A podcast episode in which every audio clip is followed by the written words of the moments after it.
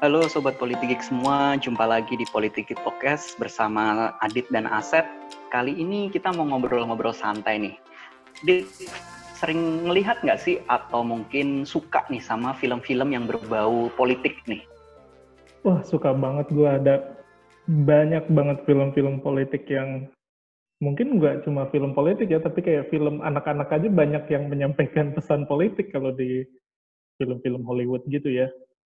Iya sih. Nah, ngomong-ngomong tuh, tuh, lu tadi nyinggung soal film Hollywood tuh. Menurut lu nih, kenapa sih film Hollywood tuh banyak banget kalau kita lihat ya di luar yang film-film Disney atau mungkin film kartun gitu, pasti ada bumbu politiknya tuh di situ. Ya, menurut gue ini nggak jauh dari upaya Amerika untuk menyebarkan paham liberalismenya, American Dreams-nya, terus menegaskan kalau Amerika itu sebagai apa namanya polisi dunia yang selalu menjaga uh, kedamaian dunia. Jadi kayak Amerika itu menjadikan film sebagai uh, muatan uh, apa namanya kampanye politiknya kalau menurut gue sih ya. Iya sih, benar sih. Kalau gue amat-amati ya, habis gue perhatiin lagi, kayaknya semua film Amerika gitu ya, even kartun yang kayak tadi gue bilang tuh ya, sampai film yang dewasa, film remaja, kayaknya segala superhero itu Amerika punya gitu, kayak menyelamatkan dunia gitu, pasti astronot Amerika, ya kan? Atau misalnya tokoh-tokoh utama pasti ada berbau-bau Amerikanya gitu. Dan benar yang lo bilang ya, itu tadi sebagai alat untuk apa ya istilahnya menyebarkan kalau dibilang ekstrimnya propaganda ya tentang liberalisme karena memang Hollywood sendiri itu kan berjaya kalau nggak salah setelah masa Perang Dunia Pertama ya, kemudian ekonomi ambruk, kemudian Hollywood ini dilihat oleh pemerintah Amerika sebagai sebuah jalan yang bisa mengumpulkan banyak orang nih, banyak pekerja, menyerap tenaga kerja untuk bisa membangkitkan ekonomi. Jadi ya mungkin ketika pemerintah Amerika mendorong Hollywood seperti itu ya kemudian pasti ada bumbu-bumbunya tuh ke dalam sana gitu. Semua film di, di apa layar lebar di Indonesia dan mungkin di banyak negara dunia itu emang didominasi sama film-film Hollywood kalau menurut gue ya.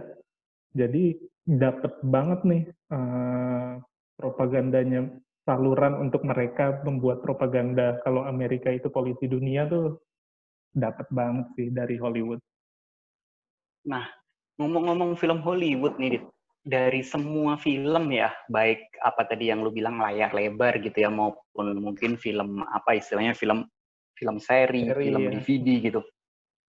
Ada yang menarik nggak sih menurut lo gitu, yang yang kayaknya cocok nih atau menarik nih kita bahas nih kali ini gitu? Ya, kalau gue sih yang baru-baru ini banget gue tonton itu Designated Survivor ya. Itu menurut gue uh, keren banget sih itu film. Tentang apaan tuh di filmnya? Gue sih kayaknya pernah denger ya kalau nggak salah itu film seri tentang suksesi kepresidenan Amerika ya, bener gak sih? Ya, betul banget. Jadi di film itu tuh uh, adegan pertamanya yang gue awal-awal itu adalah ada tokoh utamanya ini si Tom Kirkman. Itu dia ya kalau di sini mungkin kayak PUPR kali ya, Menteri PUPR. Itu dia uh, kebetulan waktu itu seluruh uh, kabinet dan senat terus uh, apa namanya ya pejabat-pejabat semuanya itu lagi ada apa namanya pidato kenegaraan sebutannya apa ya? Oh, State of the Union ya, kalau di nah, Amerika. Itulah. Ya, okay. Jadi semua presiden, wakil presiden, menteri-menteri itu semua diundang ke sana, kecuali si uh, tokoh utama ini, si Tom Kirkman ini yang jadi men menteri apa PUPR lah, PUPR-nya Amerika. Nah, kenapa dia nggak ikut? Karena dia itu ditunjuk sebagai designated survivor apa sih designated survivor itu? Designated survivor itu kalau istilah di sana itu merupakan orang yang ditunjuk sebagai uh, penerus uh, pemerintahan jika uh, si presiden, wakil presiden, dan pejabat-pejabat uh, lainnya itu uh, berhalangan atau mengalami kejadian kayak di film itu. Jadi di film itu tuh presiden, wakil presiden, dan pejabat-pejabat sampai senat itu pada meninggal dalam satu kejadian. Nah, dari situlah karena meninggal semua, harus tetap terjadi suksesi pemerintahan, di menteri yang tidak ikut di acara itu yang selamat, itulah yang dilantik jadi presiden Amerika. Terus sih ceritanya. Iya sih, ini tadi juga gue sambil browsing-browsing nih soal Designated Survivor. Menarik juga sih, karena ternyata si Tom Kirkland ya, uh, itu tadi ternyata dia sebagai Menteri PUPR itu dia ada di urutan ke-12 gitu ya, ternyata untuk bisa menggantikan presiden gitu. Tapi karena semua pejabatnya meninggal semua tuh ketika di State of the Union, akhirnya dia tiba-tiba naik tuh jadi si presiden gitu. Padahal paginya itu ya, kalau dilihat di sinopsisnya gitu, si menteri ini tuh padahal mau dipecat gitu kan ya aslinya yeah. gitu. Tapi betul, betul. amazingly ternyata dia jadi presidennya gitu. Pagi Menarik dipecat, sih itu. malamnya jadi presiden. Nah, kalau misalnya tadi gue juga browsing-browsing nih, uh, ternyata memang kalau di Amerika itu udah ditulis dengan jelas gitu ya, untuk siapa yang menggantikan berurutan gitu, yang nomor satu presiden, kemudian ketika presiden nggak ada, uh, berikutnya kemudian ada okay. wakil presiden, ya kan, hmm. habis itu ada ketua uh, House of Representative dulu ya, ketua DPR, DPR ya. dulu ya. Hmm. Uh, Oke, okay. uh, kemudian habis itu ada ketua Senat, uh, Presiden Senat ya kalau di sana istilahnya. Hmm. Baru setelah itu apa menteri-menteri ya gitu. Dan menterinya ini uniknya kalau di Amerika ini urutannya itu disesuaikan dengan kapan kementeriannya itu dibentuk gitu. Makanya kalau dibaca gitu di urutannya di suksesi Amerika itu yang nomor satu adalah Secretary of State gitu kan setelah empat orang tadi karena itu yang ya, pertama kali itu dibentuk gitu. Menseknek ya Set ya? Kalau Secretary of State kayaknya kalau di Amerika ya? dalam negeri lebih ke Menteri Luar Negeri ya, Menteri Luar Negeri ya Secretary of State karena ya? kan seperti Hillary iya kayak Hillary Clinton gitu kan dia Menteri Luar Negeri ya, Mike Pompeo yang sekarang itu Menteri Luar Negeri gitu gitu. Malah yang menarik juga kalau di dalam negerinya mereka kan yang terkenal kayak keras banget itu kan ini ya menteri apa home sec, uh, home security ya gitu kan hmm. uh, secretary of home security itu ternyata ada di urutan bawah tuh karena memang secara pembentukan kementerian dia baru dibentuk baru uh, ketika ya. zaman iya uh, George W Bush gitu kan hmm.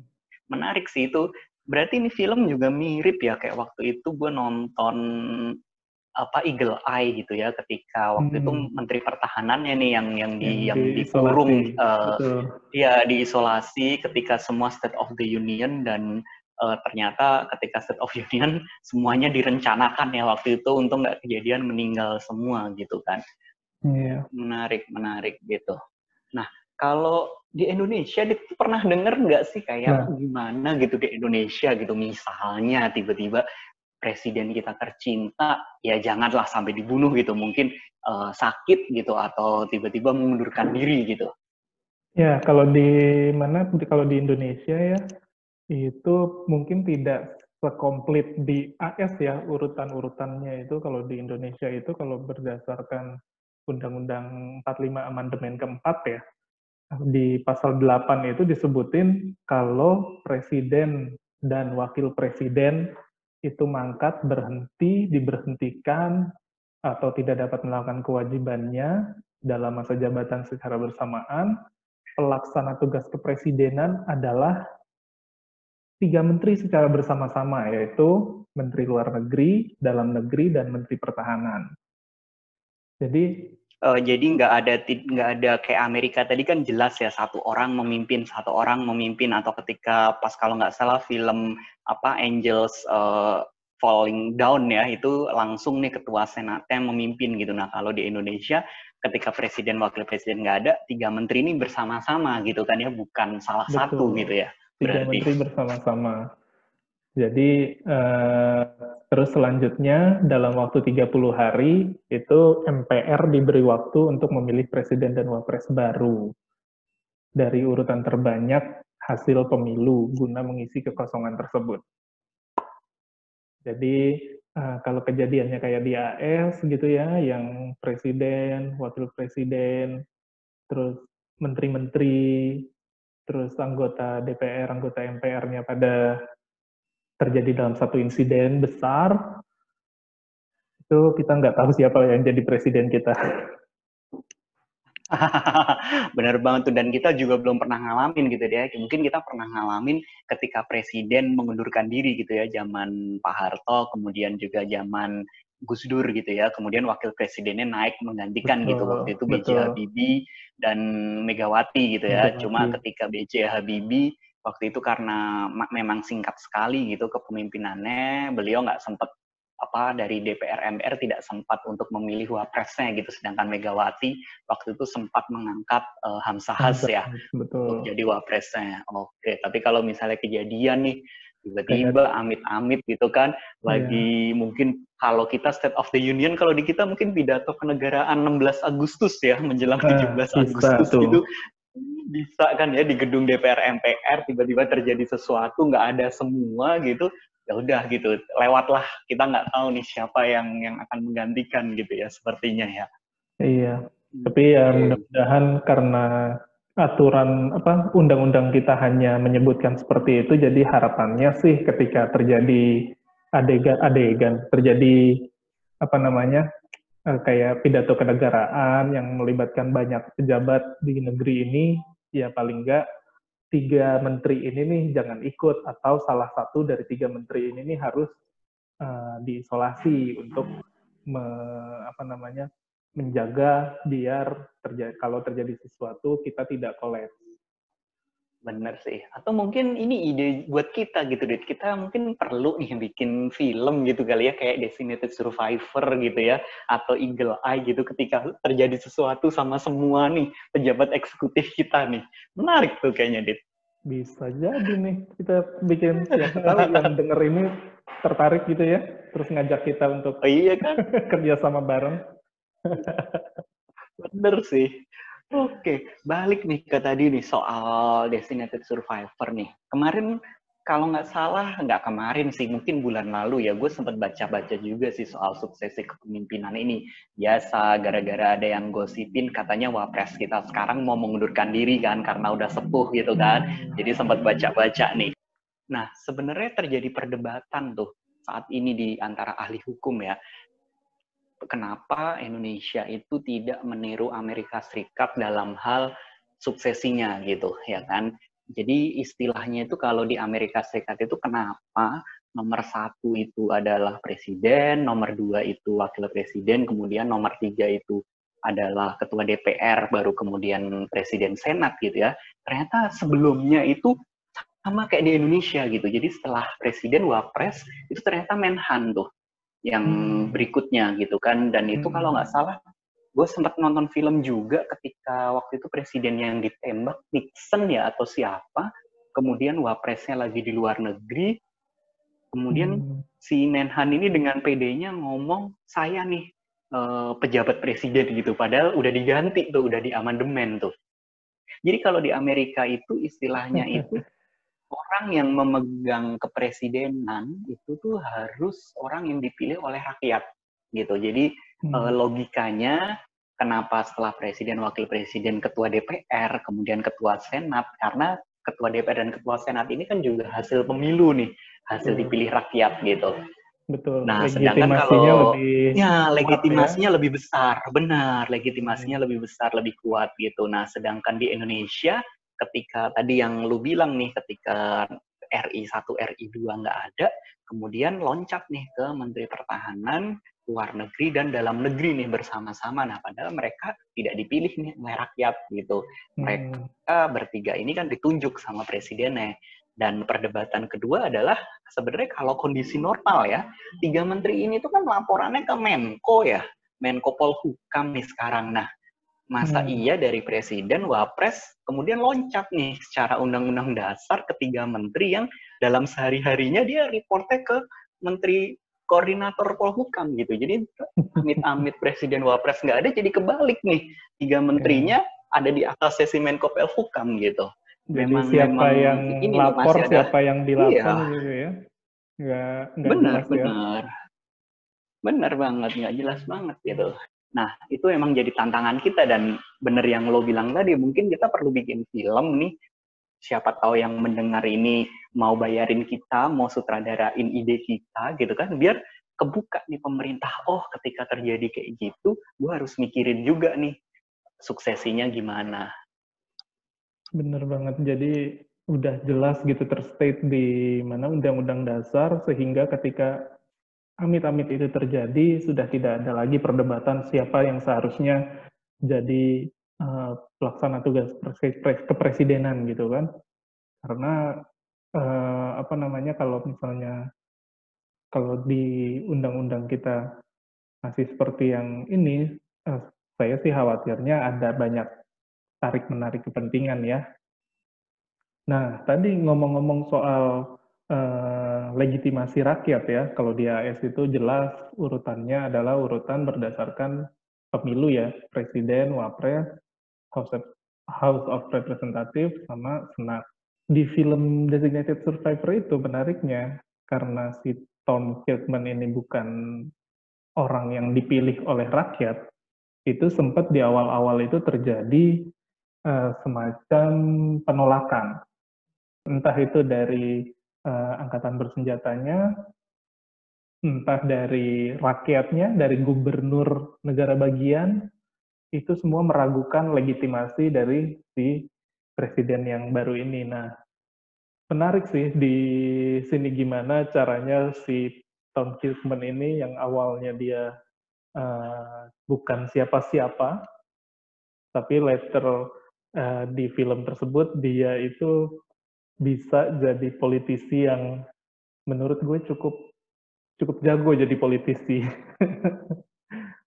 Hmm, oke, nah ngomongin film tadi, gue agak penasaran deh. Kan itu semua presiden dan eksekutif tuh meninggal ya ketika State of the Union dan berarti semua anggota kongresnya juga nggak ada nih juga ikut hilang semua nih ya berarti semua anggota kongres dan si senatnya gitu betul anggota kongres itu meninggal semua dan di episode kedua ya kalau nggak salah itu disebutkan ada anggota kongres yang masih hidup dia juga ditunjuk sebagai designated survivor jadi ada, oh, ada. jadi dari legislatif juga ada designated survivor ya untuk untuk buan anggota kongres gitu ya. Betul. Jadi ada dua orang survivor di pemerintahan AS saat itu di, di, di sorry di film itu. Ini gue menjiwai sekali film itu. Jadi seakan-akan film itu film beneran. Eh, Oke. Nah, kalau si anggota Kongres ini yang tadi lu cerita nih, di questioning juga tuh si presiden ini mampu nggak sih? Atau jangan-jangan dia juga denger nih, oh ini orang awalnya mau dipecat nih gitu kan, sekarang jadi presiden gitu. kalau itu uh, awalnya dia mendukung ya karena sama-sama mereka senasib ya, istilahnya senasib. Uh, mereka uh, ditakdirkan untuk jadi dua orang tersisa di pemerintahan AS Uh, jadi saling support, lalu di pertengahan sempat ada friksi karena bukan karena meragukan kapabilitas atau meragukan legitimasi, uh, tapi lebih karena ada pertarikan kepentingan ya. Uh, tapi akhirnya mereka bisa uh, jalan beriringan lagi. Wah, menarik nih. Kayaknya gue harus segera nonton nih Designated Survivor ya. Dia TV oh, series ya dia soalnya iya. ya. Season oh, tiga okay. season aja sih. oh, tiga season. Ya, tiga season panjang sih itu. ya lumayan mengisi kekosongan di saat UFH. Bener juga sih sambil improving ini ya pengetahuan politik kita dan tadi uh, presiden barunya kan juga ternyata dia melakukan manuver-manuver yang awalnya tidak dipercaya kemudian dia jadi gimana nih uh, bisa menciptakan teman-teman sekutu-sekutu politik gitu kan ya. Betul. Itu ceritanya keren sih gimana orang yang uh, polos ya uh, dia cuma sebagai seorang menteri lalu kemudian uh, dia jadi presiden, gimana caranya dia. Ada banyak yang yang menarik itu di setiap episode itu hampir dia selalu punya konflik sama negara negara sahabat kayak Iran, Rusia. Jadi menarik banget lah gimana dia bisa uh, melalui konflik-konflik terhadap negara-negara sahabatnya itu.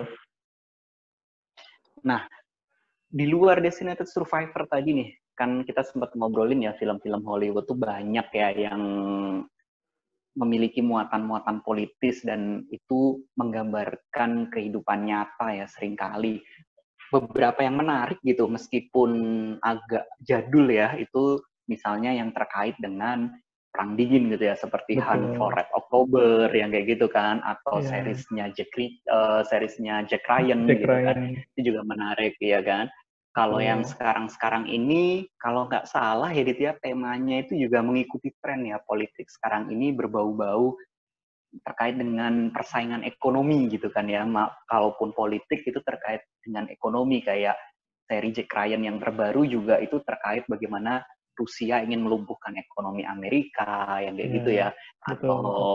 mungkin hal-hal yang terkait dengan Timur Tengahnya juga sudah bergeser ya dari terorisme terorisme kemudian lebih ke persoalan minyak persoalan mungkin atau yang ngetrend sekarang ini tentang climate change kayak gitu ya Iya intinya film-film hmm. itu dibuat berdasarkan konstelasi politik terbaru lah di dunia ya. Kayak itu tadi yang Jack Ryan yang film terbarunya itu ada kok di Netflix. Eh, nyebut merek nggak apa-apa ya. Bisa dicek di apa-apa lah sebut merek ya. di apa aplikasi yang depannya N itu cukup banyak sih film-film yang berbau politik selain tadi Designated Survivor, ada House of Cards, itu juga tentang Amrik, Uh, ada tadi yang Jack Ryan. West Wing ya kalau nggak salah juga ya Jack Ryan, hmm. West Wing gitu kan ya. Amerika yang nggak pernah punya presiden wanita ya. Ya. ya kan. Lalu uh, kalau film film-film zaman dulunya juga ada uh, apa itu apa namanya Pearl Harbor ya itu perang perang dunia kedua sih Pearl Harbor jadi banyak sebenarnya film-film yang bisa kita jadiin untuk uh, menambah wawasan politik ya. Enggak cuma enggak enggak jadi film itu bukan cuma sebagai hiburan tapi juga mendidik. Ya, ini sih harapannya di Indonesia pun kalau bisa nih pembuat film mulai memikirkan gimana sih caranya nih bisa bikin tontonan yang berkualitas yang tidak hanya menghibur tapi juga mendidik gitu. Iya sih, cuma takutnya kalau di Indonesia mungkin ya ini para sutradara dan produser ini kalau bikin film-film berbau politik takut kena sensor kali ya atau kena tendang gitu dari Indonesia, iya kan? Menurutnya karena beberapa ya. film, ya? iya benar disangka memihak karena kalau nggak salah kan film pol berbau politik kita yang diterima masyarakat banyak mungkin waktu tinggal G30S gitu yang diciptakan 40 tahun yang lalu gitu kan, 70 tahun yang lalu gitu.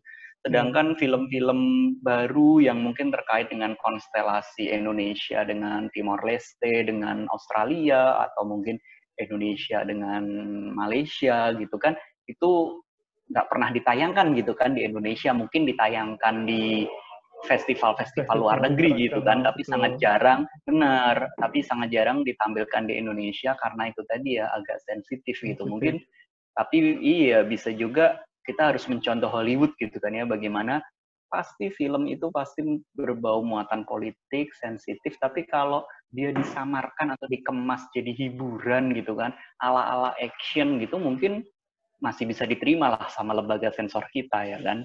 Itu ya, kebanyakan film-film politik kita itu yang ditayangkan di festival luar negeri memang banyak yang masih uh, apa namanya da, diangkat tuh dari uh, peristiwa sejarah ya. Yang ya kita tahu sendiri ya yang namanya sejarah itu satu orang dengan orang yang lain itu bisa beda sudut pandangnya beda beda apa namanya beda arti beda maksud. Jadi uh, bisa jadi banyak tafsir dan itu kayaknya yang uh, terjadi pada film-film kita ya yang berbau-bau politik mungkin bisa lebih diperhalus kali ya. Kayak designated survivor ini kan nggak memihak ke Republik nggak memihak ke Demokrat. Ya dia presiden AS tapi bisa dibawa secara netral gitu, secara kebangsaan apa yang harusnya dilakukan oleh seorang negarawan. Kayak gitu kayaknya oke okay kalau diangkat di bener sih Dit. bener banget. Masa kita mungkin kalau kita di Indonesia kita nggak pernah nih ngangkat film yang yang berbau bukan dokumenter ya yang berbau populer misalnya gimana peran Indonesia di KAA gitu kan gimana Indonesia mengegolkan UNCLOS atau mungkin ketika jadi ketua hmm. Dewan Keamanan PBB ya kan atau ketua betul, ASEAN betul. nah padahal kalau di Amerika kan banyak ya film dua jam kita hanya dikasih bagaimana perdebatan di United Nations gitu kan, diplomat-diplomat itu dan itu menarik gitu kan untuk dilihat gitu. Sayangnya kita belum sampai ke sana ya, atau mungkin kita nggak dapat akses gitu kan untuk bisa tahu gitu kan seperti apa gitu di dalamnya gitu. Iya betul. Dan ya mungkin ya kita juga mengajaklah insan film Indonesia kalau bisa uh, ayolah kerjasama sama misalnya uh, lembaga penelitian luar negeri. Kalau di kita tuh apa ya? L, L, L, LIPI apa? Iya, LIPI, ya? kita ada CSIS. LIPI, ada CSIS, ya kan? Ya, Benar, CSIS. Kayaknya bisa dikembangkan ada, peristiwa apa? Uh, dinamika hubungan luar negeri apa nih yang kira-kira bisa diangkat dan di apa namanya disamarkan lah mungkin tokoh-tokohnya, negaranya, tapi bisa diangkat jadi film hiburan yang mendidik seperti itu kan kayaknya bisa gitu dilakukan. Tapi memang lagi-lagi selain adanya kemauan dari insan film Indonesia ya, sutradara, produser, itu juga perlu juga sih kita membenahi selera uh, masyarakat juga ya. Karena percuma ada film bagus tapi masyarakatnya juga ternyata tidak menyambut itu kan. Betul, betul. Tapi sih kalau menurut gue ya, kalau kita ngangkat soal politik gitu kan, apalagi misalnya mungkin dengan negara lain gitu kan, yang ya anggaplah negara musuh bersamanya Indonesia pasti laris sih biasanya gitu. betul, betul. betul, Gue sebenarnya ada satu film lagi yang gue tuh suka banget tentang uh, politik di Jepang. Ini judulnya itu series ya, series drama Jepang itu Change. Apa perubahan ya. Jadi di Jepang itu kan ah, beda ya sama di Indonesia ya. Jadi di Jepang itu kan yang bisa jadi politisi itu uh, orangnya terbatas. Kalau nggak dia pinter banget lulusan Tokyo University, dia itu keturunan politisi. Di luar itu biasanya nggak mungkin tuh jadi politisi. Nah, di film itu tuh diangkat tuh gimana perjalanan uh, karir seorang politisi di Jepang sampai akhirnya dia jadi perdana menteri dan tidak menyinggung uh, apa namanya partai-partai lokal, partisan seperti itu enggak dan bagus, menarik filmnya.